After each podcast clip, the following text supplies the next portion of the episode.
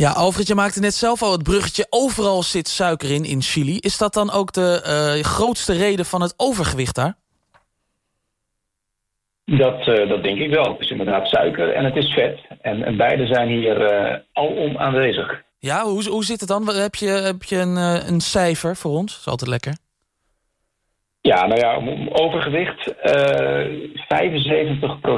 van de volwassenen. Dus drie of vier. En uh, nog Zo. veel erger, meer dan 50 procent. Ja, ja en, en nog veel erger, meer dan 50 procent van de kinderen van zes jaar. Zo, dat is echt een, een bizar aantal. Ja, dat is, dat is echt niet goed. Nou ja, dat, dat komt dus inderdaad ook hè, uh, door wat je, wat je hier in de supermarkten ziet. Aan de ene kant heb je dus die, uh, die prachtige grote ui, maar uh, ongeschild, ongesnipperd, en, en aan de andere kant heb je dan de, ja, hoe, hoe zou je het Nederlands moeten noemen? De, de extreem bewerkte voedsel. Dus helemaal uh, processed. Ja. saus met, met, met nou ja, die, die, die, typische pasta saus die je waarschijnlijk ook wel kent. Een beetje kant en die klaar. helemaal bol staan van het, van het ja precies. Ja. En, en, en bol van, de, van het vet en van de suiker. Ja. Is een, uh, wat je hier bijvoorbeeld ook ziet is uh, die, die, die zakjes chips. Hè? Dus, dus in plaats van een grote zak met, met chips heb je dan zo'n zo'n grote zak met allemaal van die kleine zakjes erin. Dus, dus nou ja, op het moment dat een kind even, uh, even gaat zeuren of, of, of te veel lawaai maakt, dan, dan heb je altijd wel iets bij de hand. En dan, dan stopt hij dat maar in zijn mond en is hij stil. Dat is een beetje mijn beeld erbij. Maar maken de Chilenen zich geen zorgen hierover? Ja, uh, ondertussen gelukkig wel. Ik moet zeggen, de, de, of de gemiddelde Chileen hier nou echt dagelijks over nadenkt, weet ik niet. Maar uh, wij hebben uh, de afgelopen vier jaar een president gehad... die min of meer toevallig opgeleid is als kinderarts. Oh. Nou ja, dus met name het overgewicht bij kinderen... en, en wat het allemaal met een kind doet. Mm -hmm.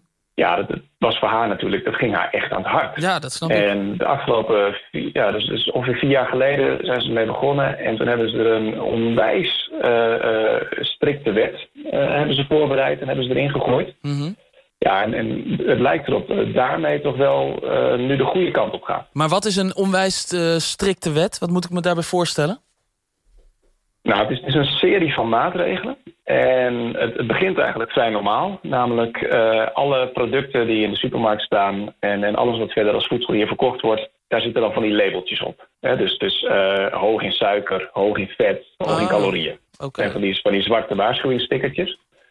Nou, dat, uh, over het algemeen werkt dat niet zo goed. Meestal is dat voor, voor volwassenen ook nog wel een reden om te zeggen... van nou, ik ga eens even goed kijken waar de meeste stickers op zitten... want dat zal wel het lekkerst zijn.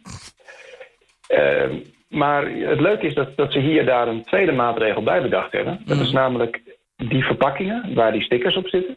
die mogen niet op scholen verkocht worden en ook niet vlakbij scholen. Die mogen ook niet in de keuken van zo'n school verwerkt worden in de schoollunch. Mm -hmm. En kinderen mogen producten met dat soort labels ook niet meenemen naar school. He, dus als jij je kind een, een, een Snickers meegeeft of iets dergelijks... Ja. en uh, die, die pakt dat uh, in school uit zijn lunchbakje... Die ja, wordt, dan, uh, dan krijgt hij een preek van de juf en dan wordt het afgepakt. Oh, dat is wel heel streng. Ja, maar het effect daarvan is echt fantastisch. Want, want wat je dus ziet is dat je in supermarkten uh, uh, ouders aan het, aan het winkelen zijn met hun kinderen. En dat die ouders wat in het karretje gooien. Mm -hmm. En dat het kind tegen de ouder zegt... Ja, maar mama, dat mag niet hoor. Dat, dat mag ik niet mee naar school. Dat mag niet van de juf. Ja, dat is precies wat je wil. Maar ik kan me ook voorstellen dat de, de, de, de producenten van al die uh, voedingsmiddelen... daar niet heel blij mee zijn. Nee, en, en helemaal niet. Want, want, dit zijn twee van de maatregelen. De, de derde maatregel is nog dat uh, al die producten niet meer geadverteerd mogen worden op televisie... Uh, op uren dat kinderen kunnen kijken. Dus Mhm. geen enkel programma. En uh, wat een boel mensen toch ook wel aan het hart gaat... is dat er helemaal geen cartoonfiguren meer op, op verpakkingen mogen. Oh. He, dus, dus geen Bob de Bouwer koekjes. Ja. Maar zelfs ook niet de, de, de tijger van de Kellogg's of, of een haan, of wat is het ook alweer. Dat is allemaal af. En zelfs kindersurprise-eieren mogen niet meer verkocht worden. Nou, natuurlijk was daar een, een, een behoorlijke lobby uh, die daar tegenin ging. En dat was ook fors. Hè. Die, die, die fabrikanten hebben een, een complete reclamecampagne gelanceerd. En daar waren dan uh, bekende acteurs en, en sportshelden uit Chili.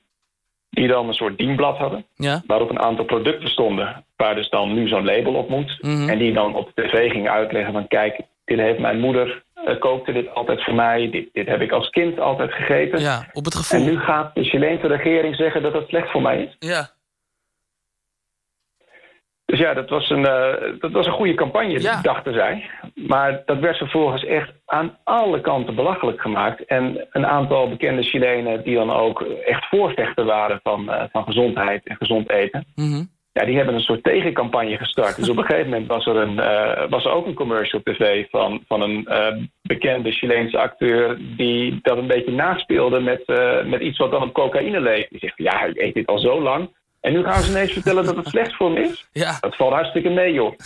ja, Dus ja, binnen, binnen twee weken was die, was die campagne zo ver belachelijk gemaakt dat hij weer van de buis was. mhm. En vervolgens is die wet er eh, met een noodgang doorgedrukt. ja.